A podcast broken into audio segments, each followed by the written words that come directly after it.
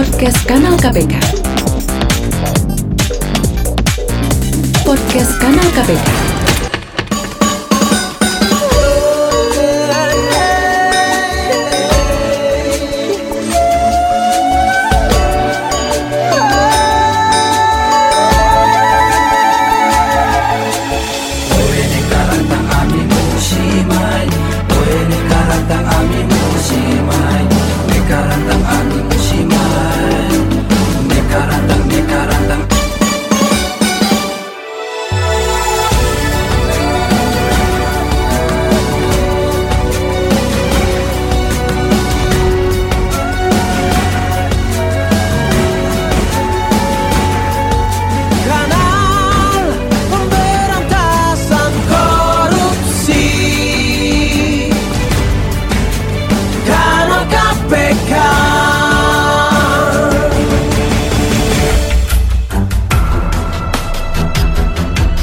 Saatnya Anda ikuti catatan Bima di radio kanal KPK, kanal pemberantasan korupsi.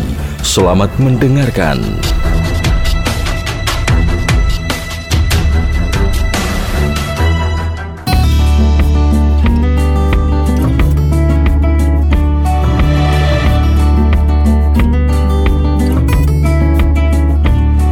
Aku Bima. Menjadi sarjana di usia 22 tahun memang sudah jadi cita-citaku. Aku menyelesaikan studiku tepat waktu. Dengan harapan sebelum aku masuk dunia kerja, aku ingin menghabiskan waktuku setahun untuk menjadi backpacker. Dan semua petualanganku akan aku tulis di catatan Bima.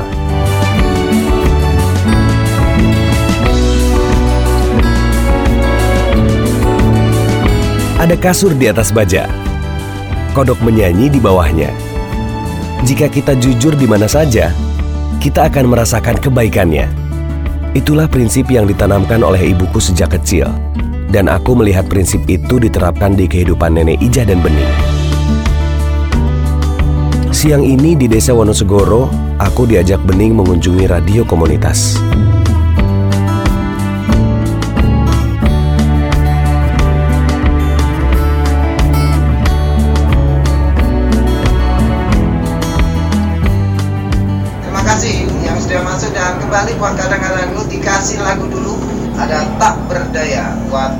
Mister Abang dan Mister temannya.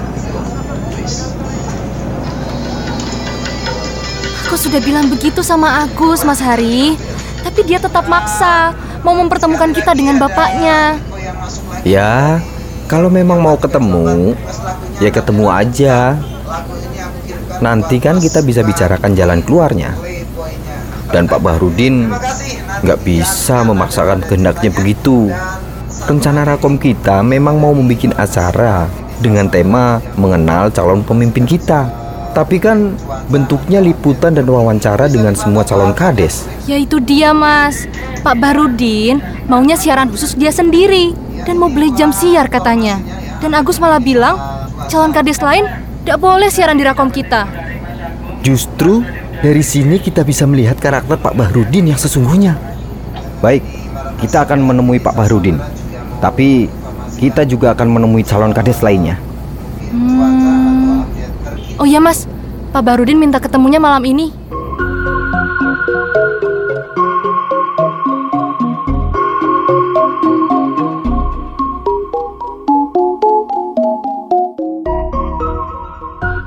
Eh, gimana, Nek? Ketemu? Iya, ketemu Nak Bima. Wah, ternyata terselip di lemari pakaian. Nih. Ini kupon untuk ditukar sembako gratis. Wih, lumayan. Dari siapa, Nek? Ya, dari salah satu calon kepala desa. Tapi nenek bingung mau diambil atau enggak ya? Ya kenapa mesti bingung, Nek? Kalau bertentangan dengan hati nurani nenek, ya nggak usah diambil. Dia itu kan memberi karena punya maksud tertentu. Iya, mereka yang memberi sogok seperti ini hakikatnya adalah orang-orang yang tamak dan gila kekuasaan. Nah, itu nenek Ija tahu. Dan saat sudah memegang tampuk kekuasaan, itu mereka juga ingin harta sogokannya kembali. Jadi korupsi, mencuri uang rakyat, ya kan? Iya, iya. Berarti ndak usah diambil saja ya. Kalau menurut Bima sih ya, Nek, yang memberi sogokan atau yang menerima sogokan sama-sama nggak baik, Nek. Ah, untung kamu ingetin. Ya wis, kalau gitu tak sobek-sobek saja kuponnya. Lawong kalau cuma belanja beras 5 liter sama minyak sekilo, nenek masih mampu kok. Neija, Neija. Oh iya, Nek. Rumahnya Pak Bahrudin itu yang sebelah mana sih? Tadi aku kan pulang duluan. Terus Bening sama Mas Hari mau langsung ke sana dari radio komunitas. Takut kemalaman, nanti biar aku jemput. Yang eh, pas tanjakan itu loh. Omae, sing makrong-makrong, gede banget. Yang tanjakan, oh yang warna krem. Yang pagar besinya itu warna kuning keemasan itu ya? Persis. Kalau sama Hari, biasanya pasti diantar. Bening juga akrab sama istrinya si Hari. Oh gitu. Ya udah kalau gitu deh. Mumpung masih ada cahaya matahari nih, aku mau berburu foto dulu ya, Nek. Tapi motret Neijah dulu boleh nih. Gaya dulu dikit dong. Cheese.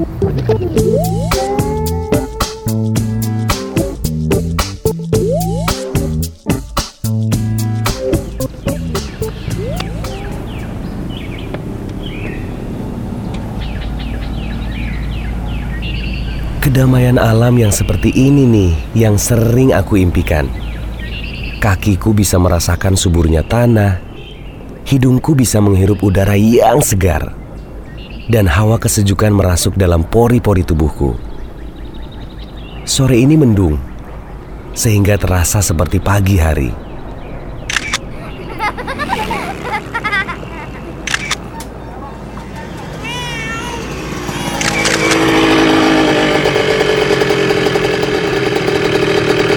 Heh, orang baru. Kamu tuh nggak bisa foto-foto sembarangan di desa ini. Ngerti? Nama saya Bima Mas, Alah, jadi nggak usah harus panggil heh. Saya hanya motret pemandangan di sini kok. Kenapa kamu jadi keberatan? kamu itu ngapain sih di desa ini? Hah?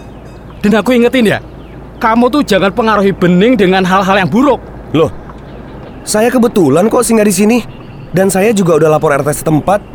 Terus maksud kamu, saya mempengaruhi Bening dalam hal buruk itu apa? Hah? Ah, orang kota sepertimu ini, kalau datang ke desa, biasanya cuma bisa ngerusak. Eh, jangan sembarangan kalau nuduh ya. Justru sikap kamu yang kayak gini nih yang bisa memberi pengaruh buruk. Heh, kamu itu cuma pendatang loh di sini. Iya, terus kenapa? Jadi ndak usah sok pinter.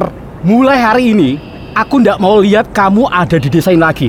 Apalagi kalau sampai aku ngeliat kamu berduaan sama Bening. Eh, tor dulu. Ini sebenarnya apa masalahnya? Kenapa tiba-tiba kamu musuhin saya? Emang Bening itu pacar kamu? Nah, itu bukan urusanmu. Aneh. Kenapa Agus bersikap kayak gitu ya sama aku? Ah. Tapi aku malah jadi penasaran. Bisa-bisa aku tinggal lebih lama nih di desa Wonosegoro ini.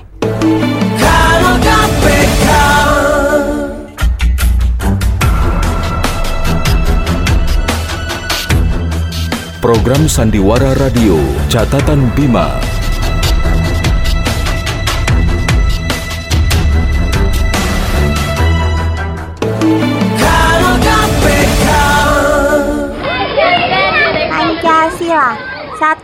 Ketuhanan yang Maha Esa 2. Kemanusiaan yang adil dan beradab 3. Persatuan Indonesia 4. Kerakyatan yang dipimpin oleh hikmat kebijaksanaan dalam permusyawaratan perwakilan 5. Keadilan sosial bagi seluruh rakyat Indonesia Korupsi sama dengan menginjak-injak ideologi Pancasila.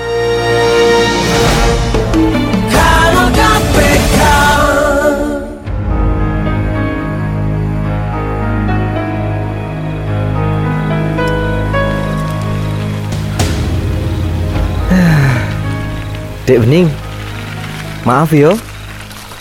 Jadi sampai larut begini. Mana ban motor pakai gembos lagi? Ya wis, aku antar kamu sampai rumah ya. Jalan kaki sambil nuntun sepeda motor ini. Ya, aduh maaf yang repotin Mas Hari. Tadinya temanku Mas Bima yang mau jemput. Bima. Oh, yang tadi kerakom. Ya Mas, Tapi tadi dia pulang duluan. Katanya mau hunting foto. Hati-hati, Dek, dengan orang baru. Sampai kapan dia di rumahmu? Hmm, nggak tahu mas. Kalau aku lihat, waktu di Rakom sih dia orang yang baik. Tapi waspada kan tidak ada salahnya toh. Iya mas. Insya Allah aku bisa jaga diri kok. Khawatir dengan omongan tetangga juga. Di rumahmu kan cuma ada dua perempuan. Kamu dan nenekmu. Iya mas. Tapi sebenarnya kehadiran Mas Bima itu sangat membantu loh. Kemarin malam pintu dapur omahku ada yang nyongkel mas. Gak tahu itu mau maling apa ya. Tapi wong di rumah juga gak ada apa-apa kok. Nyongkel? Iya mas. Padahal masih sore. Kami juga masih ngobrol di balai ruang depan. Aneh deh emang. Sini. Aku bantu dorong motornya, Mas. Eh, terus ini nanti nambahnya gimana, Mas? Dek Bening, nanti aku titip motorku di rumahmu saja ya. Besok pagi aku ambil. Sekalian mau tak tambal di bengkel dekat rumahmu. Oh ya, udah Mas, nggak apa-apa. Eh Mas, kita motong jalan aja yuk lewat gang sini. Lewat kuburan Mbah Klewang. Iya. Enggak ah. Loh, kenapa Mas? Eh, Mas Hari takut ya? Ih, Mas Hari ternyata penakut. Mau ah, gelap. Aku bawa motor, C.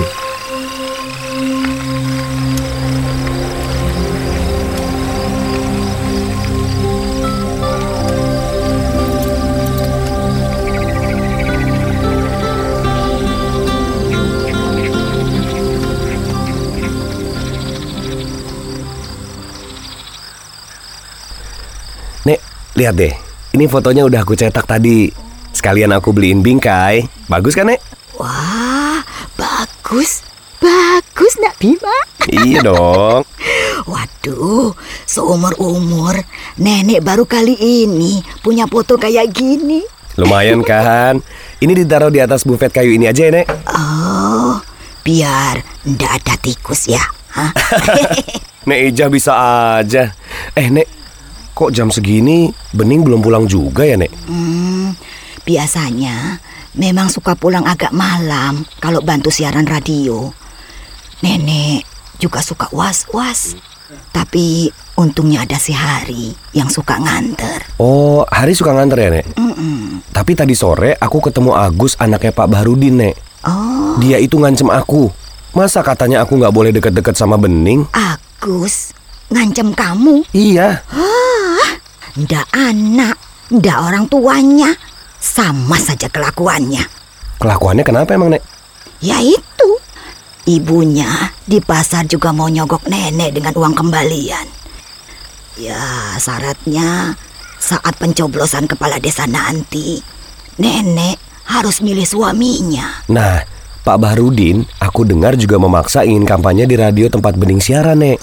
Makanya malam ini Bening dan Mas Hari diundang ke rumah Pak Bahrudin. Nenek khawatir kalau keinginan Pak Barudin ditolak. eh, Pak Barudin akan berbuat nekat. Nekat bagaimana, Nek? Iya, dia itu orang yang suka memaksakan kehendak. Dan kalau kehendaknya tidak dituruti, dia bisa melakukan hal yang aneh-aneh. Apalagi dia akan punya uang. Ya selama kita nggak melakukan tindakan yang melenceng, kita nggak perlu takut, Nek. Ya sudah, nenek mau melanjutkan bungkus tape. Kamu tunggu Bening saja di depan rumah ya. Paling sebentar lagi Bening datang. Oh, ya udah kalau gitu. Oke, Nek.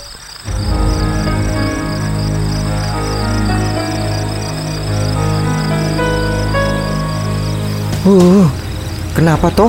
Dari dulu nggak ada yang ngasih lampu di dekat kuburan Mbah Klewang. Sekarang sih udah ada lampunya Mas Hari. Tuh, tidak terlalu gelap kan jadinya? Lagian kenapa sih? Mas Hari kayaknya takut banget lewat sini. Loh, emang kamu nggak denger ya? Belakangan ini banyak berita hantu yang gentayangan. Ah, itu cuma gosip, Mas. Kok gosip loh? Tapi Bening, i, i- itu apa itu? Kayak Apa, Mas? Ada bayangan menuju kemari. Bayangan apa, Mas? Itu. Tapi Eh, si- si- siapa ya?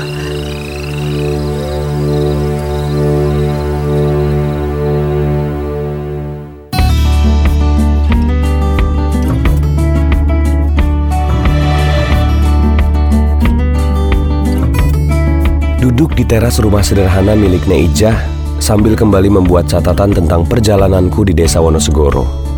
Banyak sekali pertanyaan-pertanyaan muncul di benakku. Aku juga nggak tahu kenapa aku merasa kerasan singgah di desa ini. Terlebih melihat kebaikan nenek Ijah dan Bening, ditambah dengan rasa penasaranku pada kejadian-kejadian yang terjadi di sini. Apa pula ya maksud Agus memusuhiku?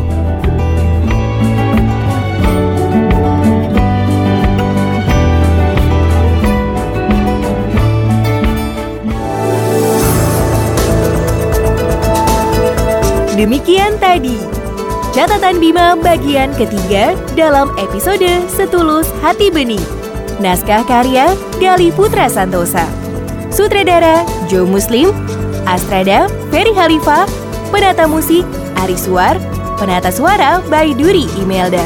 Persembahan Komisi Pemberantasan Korupsi KPK dengan para pelaku Reni Renaldi sebagai Bima, Etri sebagai Bening, Ani sebagai Nenek Ija, Wawan sebagai Hari, Denny sebagai Agus. Sampai jumpa.